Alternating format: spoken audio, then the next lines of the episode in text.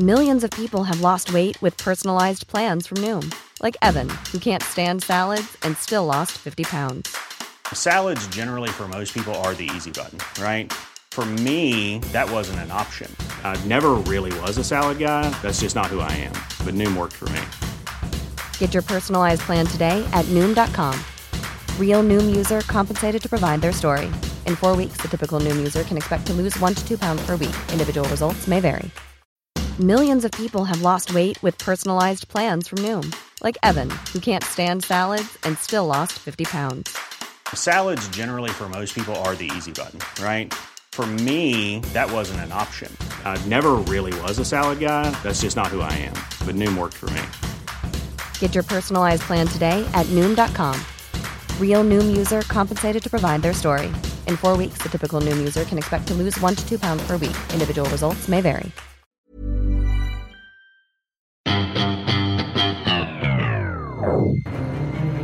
Police now say they have a suspect in the case. Let's go to Ja, hon var ute på en motionsslinga och eh, kom inte tillbaka eh, på avtalad tid. One concern the police obviously has is that six months on, the flow of som misstänks för mord på en kvinna i Frankfurt 1992. Eh, Någon har blivit knivhuggen uppe på NK på Filippa K. Vi behöver ambulans hit med en gång. Hora, det du har gjort mot familjen, du skulle inte ha gjort det för en jävla kuk.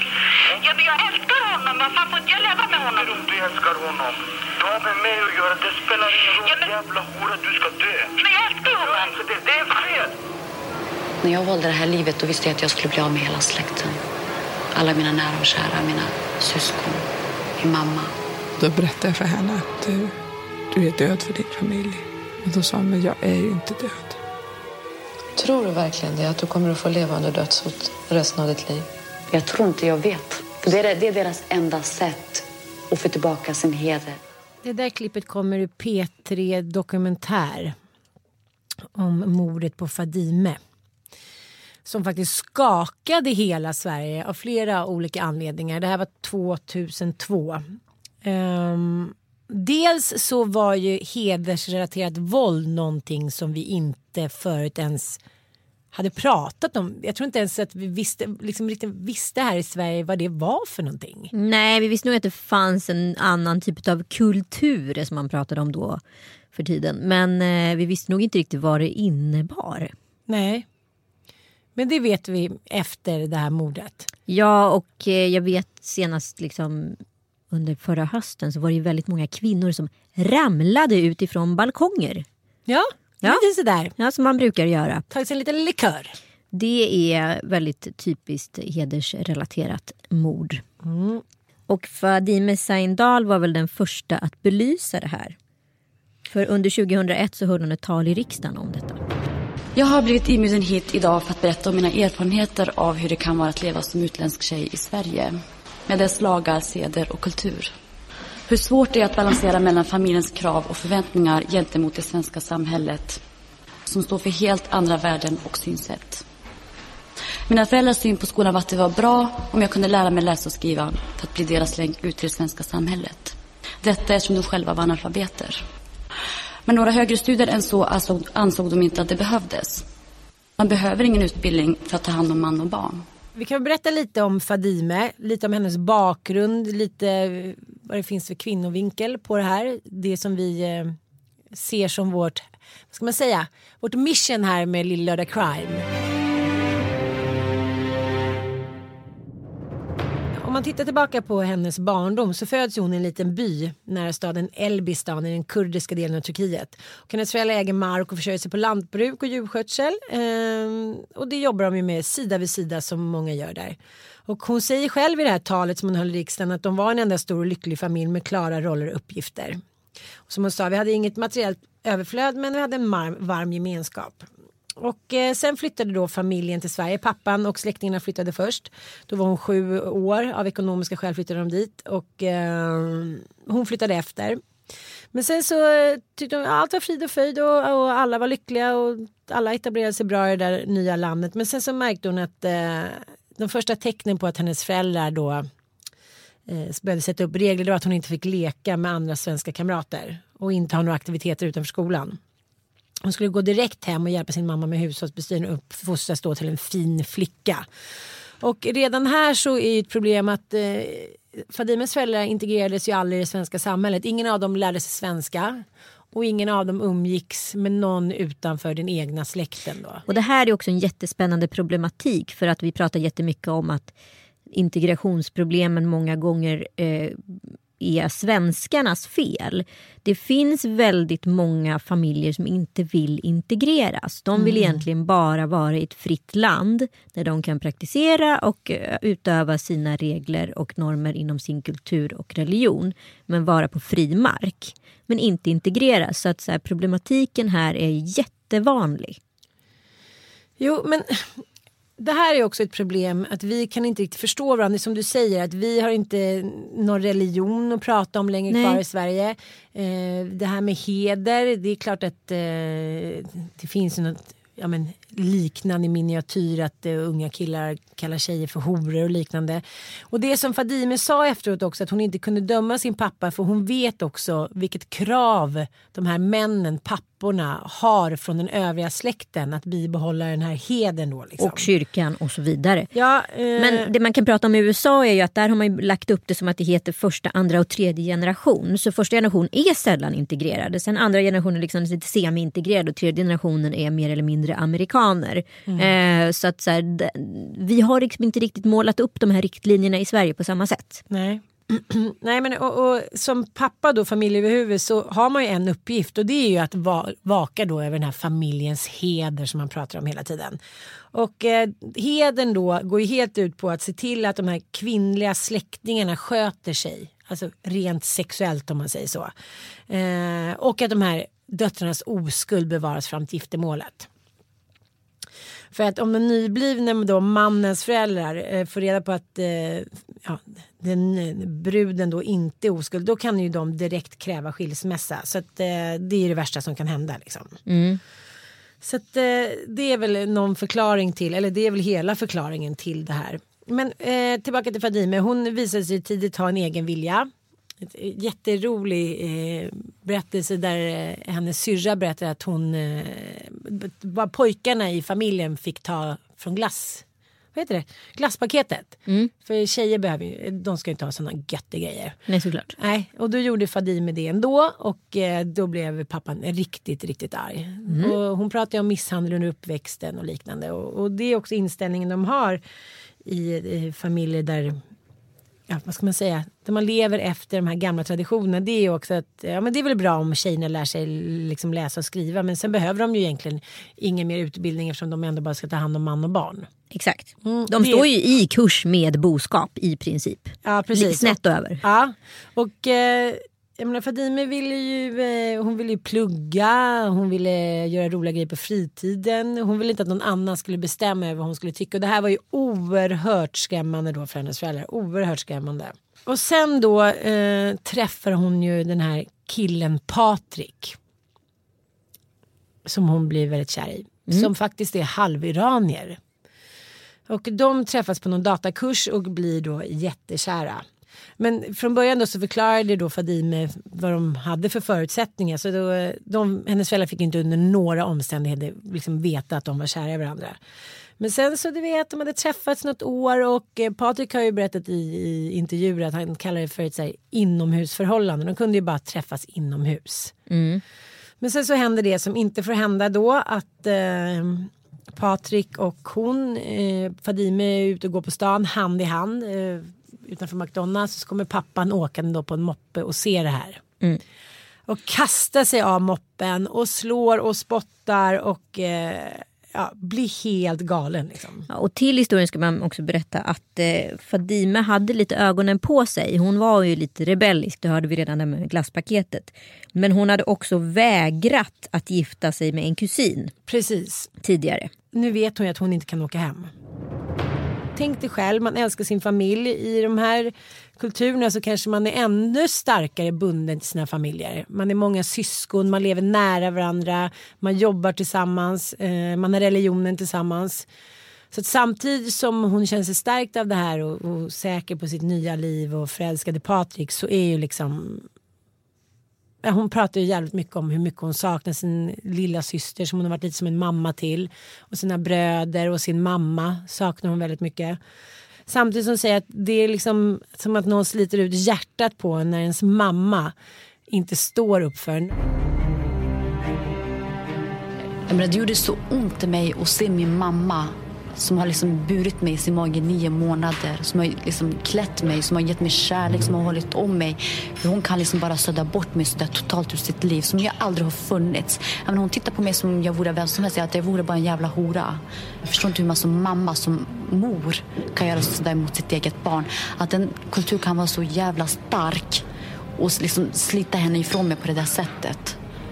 Jag, jag, jag, kunde inte prata om det. Jag hade ju bara en klump i halsen. Jag hade så mycket tårar i ögonen. Jag ville liksom bara gå och liksom hålla om henne. Jag ville liksom att hon skulle bara hålla om mig. Men det som händer här att eh, Patriks pappa som själv kommer från Iran eh, försöker lösa det här då skamproblemet genom att gå hem till Fadimes pappa och då be om Fadimes hand för sin son Patrik. Mm. Mm. Och eh, det här är någonting då som eh, tas upp av släktrådet och nu är ju hela liksom telefonerna ringer varma, det är släkten där hemma och Fadimes pappa är faktiskt för att de ska gifta sig. Mm. Men eh, det här säger släkten liksom absolut nej till. För tänk om Fadime då gifte sig med en svensk man som de anser att han är där som han har en svensk mamma. Mm. Då kommer ju alla andra flickor vilja det och då blir alla automatiskt horor. Så det är en omöjlighet. Varför hon blir så uppmärksammad det är ju för att hon är den första kurdiska eh, flickan som någonsin talar ut om det här. Och under hösten 2001 så håller hon ett tal i riksdagen och under seminariet om våld mot kvinnor berättar om hur hennes familj har förändrats sedan hon flyttade till Sverige. Och hur många liksom, manliga släktingar har börjat vakta henne för de tycker inte om hennes, hennes västerländska sätt att leva. Mm. Så det här blir väldigt, väldigt uppmärksammat och det här blir ett allt mer växande problem för familjen. Ja gud, ni kan ju tänka er hur skamfullt det är att hon bara gått hand i hand med en man på stan och nu vet hela världen om vad det är som händer. Alltså hon såg ju det som sitt mission att hon skulle prata om det här och hjälpa andra unga tjejer efter Ja. hon hade blivit förskjuten av sin familj. Och nu är ju hela släkten involverad. Alltså när hon flyttade till Sundsvall för att börja plugga då började även de andra männen i släkten ringa och hota henne per telefon. Och så här, du kommer aldrig komma undan med det här. Och hennes lillebrorsa fick ju då uppgiften att han skulle döda henne Mm. eftersom han var minderårig och skulle då inte få något större straff. Så där, där sitter de alltså på allvar och pratar om hur de ska göra sig av med det här problemet. Ja men hon väger ändå att underkasta sig. Jag tror att eh, Fadime, vad det jag förstår så insåg hon ändå att det redan var kört. Men saken är den att det här är fortfarande ett jätteproblem. Jag pratade med Anna Kinberg Batra om det och det var en av hennes stora liksom, punkter inför valet 18 att liksom faktiskt jobba aktivt med poliser om hedersrelaterade mord och eh, hot. För att man vet faktiskt inte riktigt hur man ska agera. Man måste liksom ta hjälp från kulturerna själva för att veta hur man ska komma runt det här problemet. För det är ett jätteproblem. Nu, eh, nu har ju eh, Fadime flyttat då till Östersund och går socionomutbildningen. Precis. Mm. Hon är, det här är alltså i januari 2002. Precis. Och hon berättar öppet för alla om sin situation. Mm. Hon och Patrik planerar att flytta ihop och samma dag som de ska flytta ihop. Ah, Det här, jag tycker det här är så tragiskt. Hon har ingen kvar. Hon har en människa i hela världen. Och sen så kör han ihjäl sig samma dag som de ska flytta ihop. Du skojar? Nej. Han är ute och åker och eh, det regnar. Han får vattenplaning. Kör över med en bro och eh, avlider omedelbart. Samma dag de ska flytta ihop. Och det här utreds ju då jäkligt noggrant av polisen. Som såklart först misstänker att det här är riggat. Så att eh, de håller på månader med förundersökningen. Men, men det är ju ingenting. Det är ju bara en, en, en ung pojke som kör för snabbt och förlorar kontrollen över situationen. Nu är hon ju helt ensam i hela världen. Men jag bara känner så här, mitt under allt det här, när hon står helt ensam, förskjuten av en hel släkt, en hel familj. Hon vägrar ju ta falskt namn, hon vägrar ha falsk identitet för hon, hon känner ändå att, att hon vill inte gömma sig, hon tycker att hon inte gjort något fel. Det finns en människa hon kan liksom lita på i hela världen och han dör. Mm. Ja, så det är så mycket Romeo och Julia och tragik så att så här, hur mycket ska en människa behöva stå ut med? Nej det är så sjukt. Mm. Och eh, det är väldigt intressant när man eh, lyssnar på P3 Dokumentär när de pratar med hennes advokat. Hur han sa att innan så kände jag att hon var stark, hon kommer klara det här men, men precis när det hade hänt då var hon så skör. Så han sa det, det kändes som, skulle man peta på henne skulle hon gå sönder. Mm. Det som tanken var med Fadime från början var ju att medierna skulle vara någon form av skydd tror jag. Ja. Mm. Men istället blev det ju helt tvärtom. Mm. Eh, familjen blir liksom ännu mer rasande och nu är det liksom jag menar, pappan är ju ursinnig nu och resten av släkten så nu är de ju ännu mer liksom beslutna att de ska utplåna den här skammen då som de uttrycker det. Och eh, Fadime fortsätter ju att vädja till politikerna att här, snälla vi måste hjälpa eh, de här tjejerna som är utsatta och som eh, får leva sånt otroligt dubbelliv hela tiden. Mm. För det tänker jag på själv. Det här dubbelliv som man kanske i liksom viss mån själv också gör ibland. Att man har en agenda utåt och sen så kanske inte alltid är så rosenrött. Men för de här tjejerna är det liksom att ständigt gå på minerad mark. Men jag har en eh, nära vän som är i exakt samma situation som Fadime. Hon bor i Stockholm och resten av familjen bor i en annan del av Sverige. Här i Stockholm är hon tillsammans med en svensk kille. Skulle det någonsin uppdagas för familjen som bor på en annan, annan ort i Sverige, då är hon lika med död. Liksom, jag förstår också, men nu låter det som att det här hände 1833 och att hela Sverige stod helt oförstående. Det tycker jag säger en hel del om så här, om vilka vi är här i Sverige. Vi har väldigt svårt att förstå och ta in alla andra kulturer som, som lever på andra sätt. Ja, det här man... var så chockartat för människor att det fanns tjejer som levde så här. Ja, nej, men hon vet ju om att hon lever liksom med döden runt hörnet ifall mm. det här skulle uppdagas. Och mm. det är så otroligt svårt och också maktlöst som vän att kunna mm. liksom, göra någonting åt det. Och, och jag tänker också så här att på något sätt understryka hur otroligt modig Fadime var. Fadime håller på att plugga klart nu eh, och ska avsluta sin socionomutbildning i Kenya. Så hon tar tåget från Östersund till Uppsala för att besöka sin yngre syster för sista gången. Det vet ju inte hon då. Och eh, hon har fått en ny jacka som hon är så stolt över. Hon är, tycker det ska bli så roligt att åka iväg då. På, hon ska vara borta ett halvår ju. Mm. Så hon åker till den här syrrans lägenhet i Uppsala och eh, på något sätt så har någon annan i släkten fått reda på det här.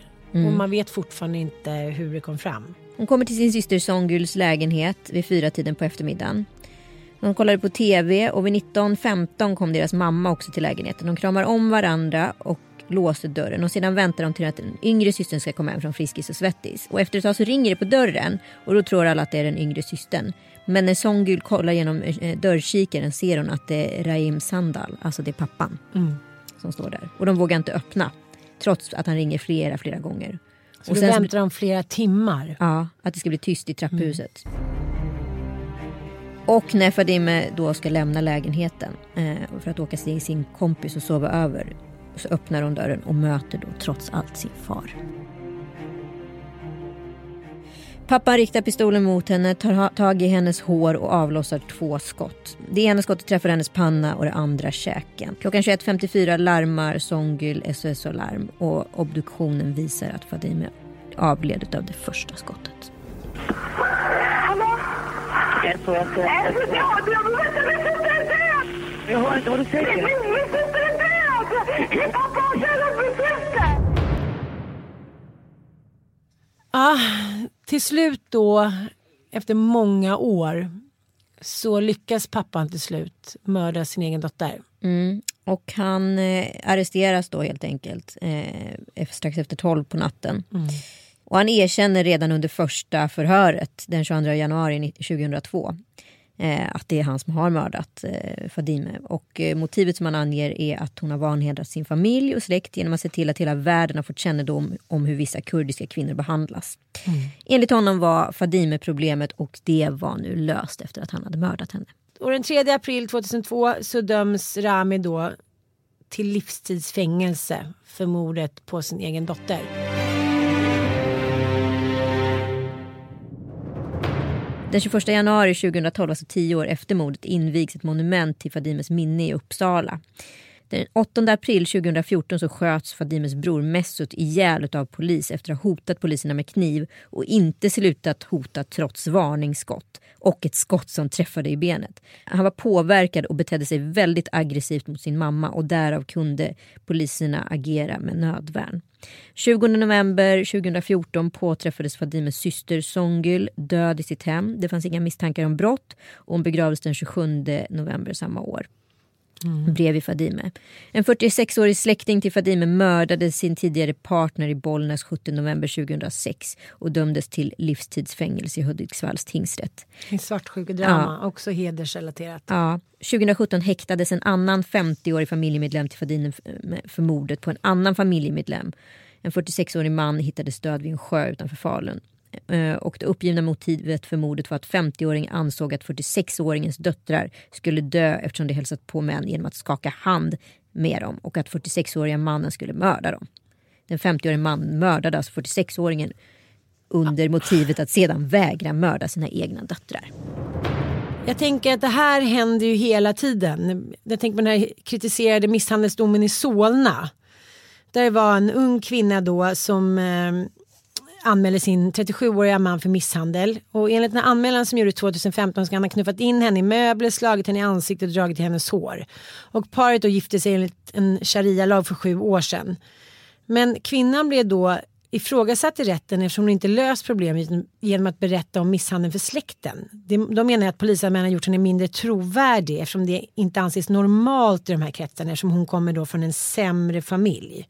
Mm. Ja, och i domen har rätten också skrivit att det inte är ovanligt att kvinnor ljuger om hot och våld för att exempelvis kunna få en lägenhet. Vem har liksom, vad är det för någonting och de har också sagt att den här blåmärken det kan bero på att hon har sovit dåligt. Ah, ja, ja, som det brukar vara. Ja, och här pratar vi om då att eh, nämndemannen eller nämndekvinnan Ebtisam Aldebe som är då centerpartist. Hon eh, tycker att hon har följt svensk lagstiftning och eh, hon tycker att det här var rätt då.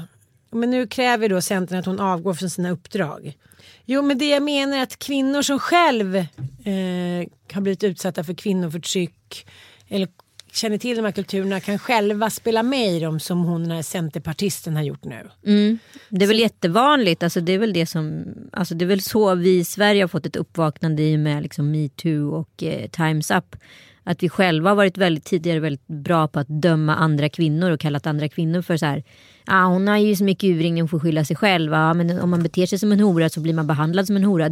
Alla sådana grejer är ju hedersrelaterade. Ja, det är ju samma sak som vi råkar ut för kvinnor här i Sverige. Hela metoo var ju en enda lång liksom, hederskultur egentligen. Ja, ja, alltså verkligen. Alltså, vi har ju väldigt mycket heder utan att vi förstår det. Fast vi, vi vill ju inte prata om det på det sättet. Och det är ju det här öppnar upp perspektivet för att förstå mm. andra kulturers situationer. Mm. Och där kvinnor inte kanske har varit lika liksom, framträdande som Fadime faktiskt var i så tidig ålder när det här var ett, någonting som överhuvudtaget inte pratades om. Men för oss så är det också väldigt, väldigt svårt att förstå till exempel hur ens egen mamma då kan få skjuta en eller spela med på det här. Men den enda uppgiften de har, särskilt när man inte får plugga eller tillåts göra det man vill. Det var ju att uppfostra Fadime då till en fin och lydig flicka och det har ju hon misslyckats med. Så att, eh, Ja men det är väl likadant som våra egna föräldrar som du har ju varit med om ett våldtäktsförsök som du har pratat om och mm. det var väl inte så att dina föräldrar direkt tyckte att det var lite synd om den här mannen som hade blivit lite snarare blivit lite utsatt för dig. Mm, mm. Och det är ju inte ett dugg ja, men alla ovanligt. runt omkring och man, man, blir ju påverkad. Min pappa var så upprörd och mamma också och sen så skulle vi samlas och prata och hur var det här egentligen? Och det är det som är så otroligt märkligt när man är så ung tjej som har blivit utsatt för någonting. Att man blir ifrågasatt. Det känns som en mardröm. Det känns som att någon försöker mindfucka en. Man tänker så här, men vadå har jag gjort något fel? Och sen när man för det tillräckligt många gånger då börjar man ju tvivla. Jag såg på den här Olof Palme-dokumentären nu som Uppdrag granskning har gjort i sex delar.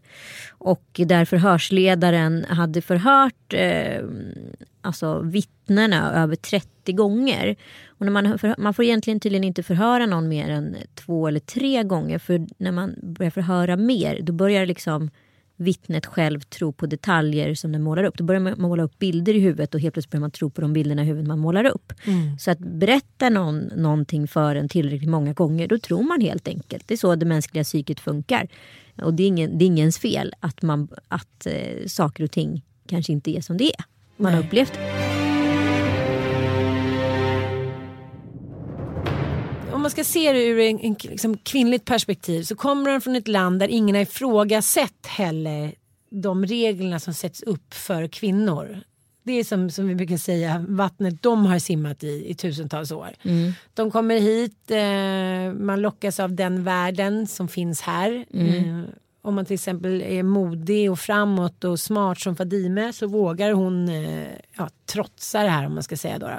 Hon vill leva ett eget liv liksom, i en fri värld. Och föräldrarna har inte lärt sig ett ord svenska. De lär sig ingenting om det samhället där de ska leva. Nej, och det är ju ett- också ett jätte, jättestort integrationsproblem såklart. Ja, ja, absolut. Och sen är det då att eh, pappan är en ganska svag person. Så att han klarar inte av att stå på sig då. Som till exempel i det här fallet då, där han faktiskt tyckte att Patrik och Fadime skulle få gifta sig med varandra. På det sättet lösa problemet. Så att det är, alltså, allting är ju så oändligt tragiskt. Nu har ju mamman är ensam kvar i stort sett. Mm. Hel Pappan sitter på familj. livstid Ja. Mm. och eh, brodern är död, systern är död.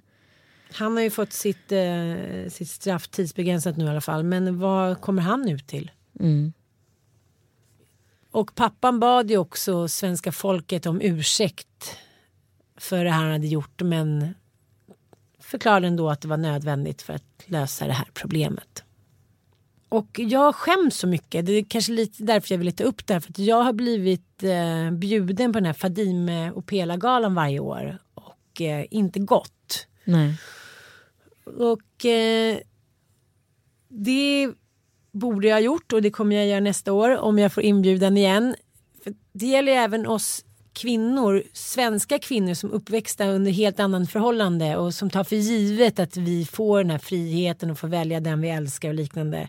Vi måste ju också eh, ta ansvar för att liksom ta de här signalerna på allvar för att utbilda ja, för att vara liksom medsystrar till kvinnor som är i den här situationen. Men fortfarande ska man säga att det finns 40 000 ungdomar i Sverige idag som lever under de här omständigheterna. Eh, Det är inte direkt lite. under de här åren sedan det här hände då, det är ju 16 år sedan, sedan Fadime blev mördad. Så är det såklart att så här medvetenheten kring hedersvåld har ökat. Och Fadime hon har ju blivit symbolen för det här. Hon var otroligt modig pionjär i den här kampen. Men också så här världens mest tragiska offer för det hon kämpar mot. Mm. Hon har bland annat fått en park i Uppsala som eh, bär hennes namn som invigdes 2013 och eh, i januari så anordnades, anordnades Fadimedagarna som var en så här fyra dagar lång manifestation där ministrar, artister och samhällsdebattörer medverkade. Ja, och det fanns ju faktiskt en tjej som lite kom i skymundan utav det här mordet. Hon dog, dog eller mördades redan 1999. Eh, Pela Troshi. Ja, Pela Troshi, Mm. precis. Och mordet inträffade när hon var liksom, på besök hos familjens hus i Dauk i Irak. Eh, vittnen till mordet förutom modern Fatima blev även systern Bren som senare vittnade inför rätten om mordet. Eh, rättegången resulterade i att hennes två farbröder Reskar och Dashak dömdes till livstidsfängelse som skulle avställa, avtjänas på kriminalanstalten Hall. Och Pela är begravd i en namnlös grav för att hon anser att hon har vanärat släktens namn. Men vad kunde man ha gjort känner du? Nej, jag tror, jag tror liksom att det handlar om att så här personifiera hedersmorden precis som vi har identifierat metoo och kan relatera till en massa saker under metoo och koppla det till heder och skam och skuld. På samma sätt så måste vi förstå hedersmorden och inte differentiera dem från eh, svenska problem. För det som har varit problemet med problematiken runt hedersmord. Man har ansett att det tillhör den folkgruppen, det är si, det är så och det är så det funkar med dem. Och liksom, vi och dem. Ja. Vi måste lägga ner det. vi måste vi- viifiera det hela och förstå det, att det är exakt samma sak bara på ett annat sätt. Vila i frid, du modiga kvinna. Fadime och Pela. Ja. Tack för att ni har lyssnat. Vi hörs om två veckor. Det här är Lille Lördag Crime. Police now say they have a suspect in the case. Let's go to hon var ute på en motionsslinga och eh, kom inte tillbaka eh, på avtalad tid. One concern the police obviously has is that six months on, they've slowed Som misstänks för mord på en kvinna i Frankfurt 1992. Eh, någon har blivit knivhuggen uppe på NK på Filippa K. Vi behöver ambulans hit med en gång.